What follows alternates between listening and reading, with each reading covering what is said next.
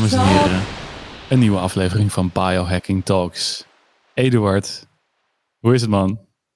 Hey Govert, het is helemaal goed. Ik zie aan je dat je weer even wat rust uh, hebt gehad. Dat je helemaal fris en fruitig erbij zit. En dat is altijd gewoon uh, goed. Dat zien de luisteraars natuurlijk niet. Maar uh, vertrouw me maar, hij ziet er gewoon weer echt helemaal top uit. Ja, en dat hoor je natuurlijk ook. Ja. Eduard, we gaan het vandaag hebben over iets heel interessants. Want sinds kort is er van Noordcoat een nieuw product op de markt. En dat is de plant protein. En ja. die, zoals je misschien al kan raden, bestaat uit plantaardige proteïne. En daar is natuurlijk in de uh, loop der jaren al heel wat discussie over gevoerd. Gaan we, is dat beter dan vlees? Is dat slechter dan vlees? Uh, wat vindt de atleet ervan? Wat vindt de bodybuilder ervan? Wat vindt de, gewoon Jan, Jan, de, Jan de Burgerman van? Um, en daar gaan we het misschien niet eens zo, zoveel, zozeer vandaag over hebben, want we hebben al een keertje daar een aflevering over gemaakt. Scroll dan even terug. Maar waar we het wel over gaan hebben is een hele interessante biohack. En uh, die hebben, uh, Eduard en ik hebben er allebei al ervaring mee. Dus het lijkt ons hartstikke leuk om dat eens eventjes onder de loep te nemen. En die biohack heeft te maken, alles te maken met enzymen, Eduard. Ja, ja enzymen, dat is echt wel uh, interessant als je, als je daarin verdiept.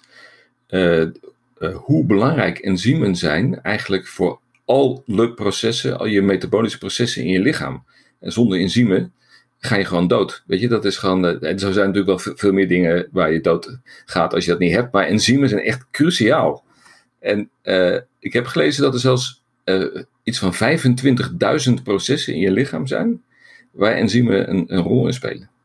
Ja, nou weten we inderdaad dat enzymen. wij zijn eigenlijk uh, één groot biochemisch vat van constante reacties die er plaatsvinden om bijvoorbeeld energie vrij te maken, om spijsvertering te laten gebeuren, om nieuwe cellen aan te maken en om uh, afval af te kunnen voeren. Daar moeten constant biochemische reacties voor plaatsvinden.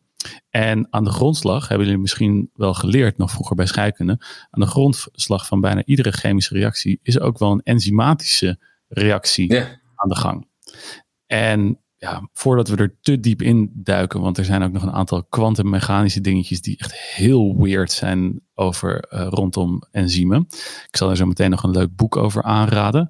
Uh, voordat, we, voordat we too deep gaan, um, ja. waarom zijn enzymen zo belangrijk voor uh, het, het eten en verteren van proteïne?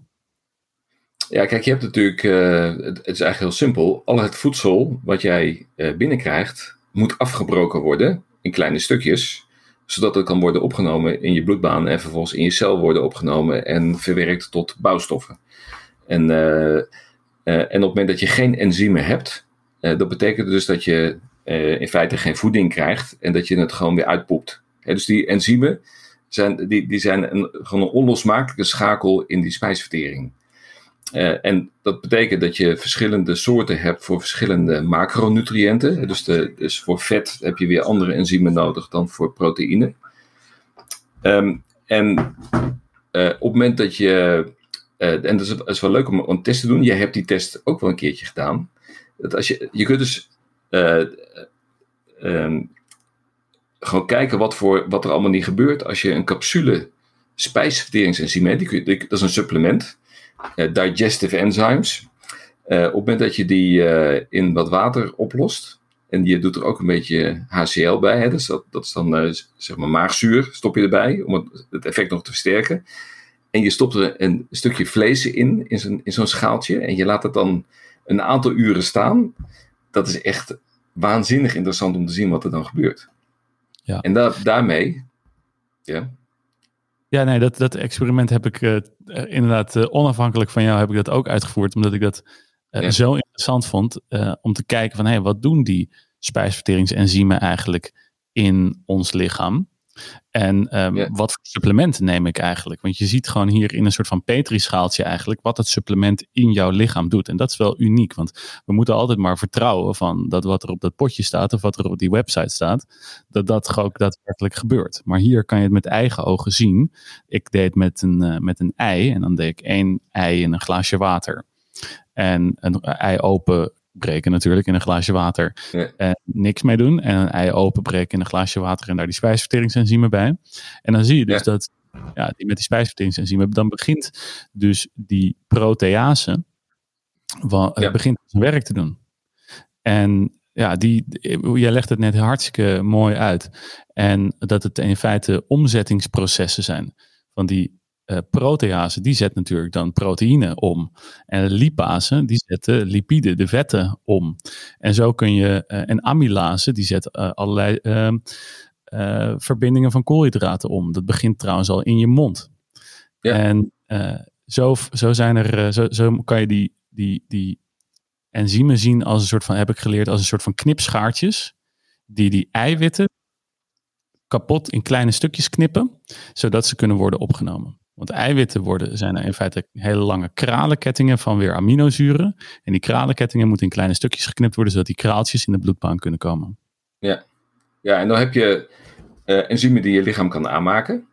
En, en het idee daarachter is, is dat, uh, dat dat geen onuitputtelijke bron is, uh, die je in lengte van jaren zeg maar in dezelfde hoeveelheid hebt. Dus op het moment dat je ouder wordt, heb je minder enzymen tot je beschikking om je eten af te breken. Dus dat is wel een, belangrijk punt. Uh, en daarnaast heb je natuurlijk uh, enzymen die je binnenkrijgt met je voeding. En op het moment dat je alles kapot kookt, dus je, je kunt veel groenten nemen waar op zich veel enzymen aan zitten, maar als je het allemaal kapot kookt, of er zitten heel veel bestrijdingsmiddelen op, dan loop je ook nog risico dat je met voeding weinig enzymen binnenkrijgt. Ja. en dat is natuurlijk dan doodzonde. Ik heb, wat dat betreft, hebben we ook wel een ander experiment ongewild gedaan dat is dat ik een groene smoothie had, waar ik bijvoorbeeld uh, van die um, um, kiemen en dergelijke in had uh, gestopt, waar blijkbaar heel veel enzymen in zitten. En, um, oh ja, en, en, uh, en zuurkool bijvoorbeeld. Hè, er zit niet alleen probiotica in, maar er zitten ook enzymen in. En vervolgens had ik die gewoon bewaard op kamertemperatuur. En die heb ik dan om één uur. Hè, met, Gadverdamme. Dat, met, met proteïne erin. Oké, okay. zuurkool en kiwi. Ja, ga verder. Ja, ik, ik zei vertellen, ik had niet, het was niet heel veel. Dus ik was, ik was eigenlijk niet voorbereid. Maar ik kan je vertellen dat uh, vervolgens uh, je echt al je biohacking uh, competenties moet aanspreken. Namelijk het denken, het vermogen om te denken. Het is functioneel, dus ik kan het eten. Want het was zo goor dat je op dat moment een smoothie met kots aan het drinken was. Want dat is wat er namelijk gebeurt. Kots is in feite uh, een soort uh, smurrie waar de enzymen al vol aan de gang zijn en je eten aan het verteren zijn. Nou, dat kan dus ook gebeuren in de smoothie. Dus dat, dat is gewoon het bewijs. Precies. Ja, dat, in de, dat in de natuur, dus gewoon in, in, in onbewerkte voeding, daar zitten al enzymen die je op die manier dus naar binnen kan krijgen en die dus ook hun werking doen. Maar de, ja. dat vragen heel ja. vaak mensen van mij ook al, als ik bijvoorbeeld een smoothie meeneem ergens naartoe en die zeggen aan mij van, nee, dat ziet eruit alsof het al een keertje gegeten is. Ja, ja. En, en, en het kan dus ook zo ruiken, dat het alsof het al een keer gegeten is. Dan is een dubbel whammy eigenlijk dan. Ja. En um, kijk, en, in dat kader, de, je, je noemde het in, de, in het begin, noemde je plantaardige proteïne. Kijk, de, uh, zeg maar, enzymen hebben natuurlijk een, spelen een belangrijke rol bij de biologische beschikbaarheid van voedingsstoffen. want op het moment dat je het niet verteert, uh, dan poep je het uit. Of je plast het uit. dus dat wordt ook heel vaak van supplementen gezegd. Dat als je supplementen op de verkeerde momenten neemt. Ja, dan is het dure, dure plas. Want, uh, want op het moment dat het dan niet wordt opgenomen. Ja, dan ben je dus gewoon alles meteen aan het uitplassen. en dat geldt ook voor, um, um, nou ja, voor, voor, bijvoorbeeld proteïne als dat niet wordt verteerd. en jij hebt een keer in de vorige aflevering gezegd van ja, bij plantaardige proteïne moet je net iets meer naar binnen krijgen dan bijvoorbeeld bij whey-proteïne, omdat het net iets minder goed wordt omgezet naar aminozuren die je kunt gebruiken voor het bouwen van je spieren. dus in die zin, in die zin denk ik dat we het op zich wel eens zijn dat whey-proteïne van zichzelf beter geschikt is om spieren te, bouwen, te bouwen. Maar tegelijkertijd is er ook onderzoek verschenen eh, waarin ze hebben aangetoond dat als je plantaardige proteïne combineert met spijsverteringsenzymen, met het extra supplementeren ervan, dat het zoveel efficiënter vervolgens die, die aminozuren creëert, dat het de gelijkwaardige biobeschikbaarheid heeft als een W-proteïne en ook daarmee kan helpen om je spieren op te bouwen na een training. Precies. Nou hebben wij dat onderzoek inderdaad allebei gelezen. Plus we hebben de experimenten in vitro gedaan in de, met, de, met de bakjes met, met eieren en vlees. En we hebben de experimenten op onszelf in een NS1-studie gedaan. Dus we hebben inmiddels best wel een leuke repertoire aan, uh, aan, aan, aan onderzoek in de, onder de riem zitten. En uh, een van de dingen die ik dus bij mijn eigen NS1-studie merkte, is dat op het moment dat ik die plantaardige proteïne nam en daar verder niks mee deed, uh, in niks aan toevoegde, um, kreeg ik toch wel dat de darmen daar enigszins van, um, van streek raakten, om het zo maar te zeggen. En dat er wat oh gasvorming uh, plaatsvond. En als je dus daar wat spijsverteringsenzymen bij maakt, ja. toevoegt, dan haal je dat dus weg. En sommige mensen hebben daar last van. Ik heb van, van oudsher of in ieder geval, daarom ben ik ook heel erg in het darmonderzoek gedoken. Wat uh, minder weerbare darmen, omdat ik uh, heel lang lactose intolerant ben geweest. En heel lang wel eiwitten gewoon als een bodybuilder naar binnen heb zitten gieten. Ja. Um, maar voor die mensen die dus bijvoorbeeld langdurig, of, of bijvoorbeeld in de vorm van stress, dat is, ik zie dat ook als een stress.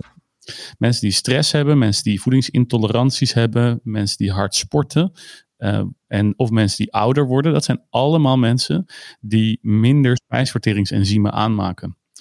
En dat zie ik terug ook in de testen die ik doe met mensen, waarin, ze, uh, waarin je dan ziet, dat is het, we hebben wel eens gevraagd, nee, wat is het verschil tussen een microbioomtest van bijvoorbeeld Fiome of een microbioomtest die ik doe, is dat je ook spijsverteringsactiviteiten kan zien daarin.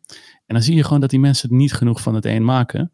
En dan zie je resten van, van, van vetten en eiwitten uh, terechtkomen in de darmen. En die geven, gaan daar fermenteren. Want die zitten gewoon, liggen te rotten in die darm. En dat geeft, uh, geeft, geeft klachten. En op de lange termijn prestatieverlies. Ja, dus daar, om die reden, dus, dus uh, zeg maar, uh, om het probleem op te lossen, dus wat jij zegt van opgeblazen gevoel, hè, dat, dan helpt het inderdaad bij mij ook om, om spijsverteringsenzymen eraan toe te voegen. Ook als ik een zware maaltijd heb, dan neem ik het ook per definitie, stop ik er ook wat HCL bij. Uh, om ook nog eens een keer, dat, dat werkt ook synergetisch. Dat, dan kan het een zware maaltijd met veel vetten en proteïne, kan het dan nog beter helpen om, om dat te verteren. dus voor mij is dat dan ook eigenlijk onderdeel geworden van mijn anti-aging stack. dus in de wetenschap. dat het zelfs tot 25 tot 30 procent eh, minder activiteit heeft in het menselijk lichaam naarmate je ouder wordt. Hè. Dus iemand van 70 is een derde minder beschikbaar dan iemand van 30. Uh, die wetenschap is voor mij voldoende om dat onderdeel te maken van mijn biohacking stack en mijn supplementen stack en dat gewoon dagelijks te nemen. Precies, en dat is inmiddels ook in de, ook in de medische literatuur is dat al echt bewezen dat gewoon ouderen hebben verhoogde eiwit- en proteïnebehoeften.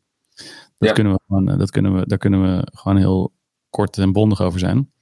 En tegelijkertijd heeft waar iedereen last van heeft, en daar kwam ik ook um, nog eigenlijk recent nog achter, is dat als wanneer, wanneer we onze maaltijden niet zelf maken, dus het niet zelf koken of bereiden, Um, of daarmee bezig zijn. En, en dat begint al letterlijk bij het idee van boodschappen doen.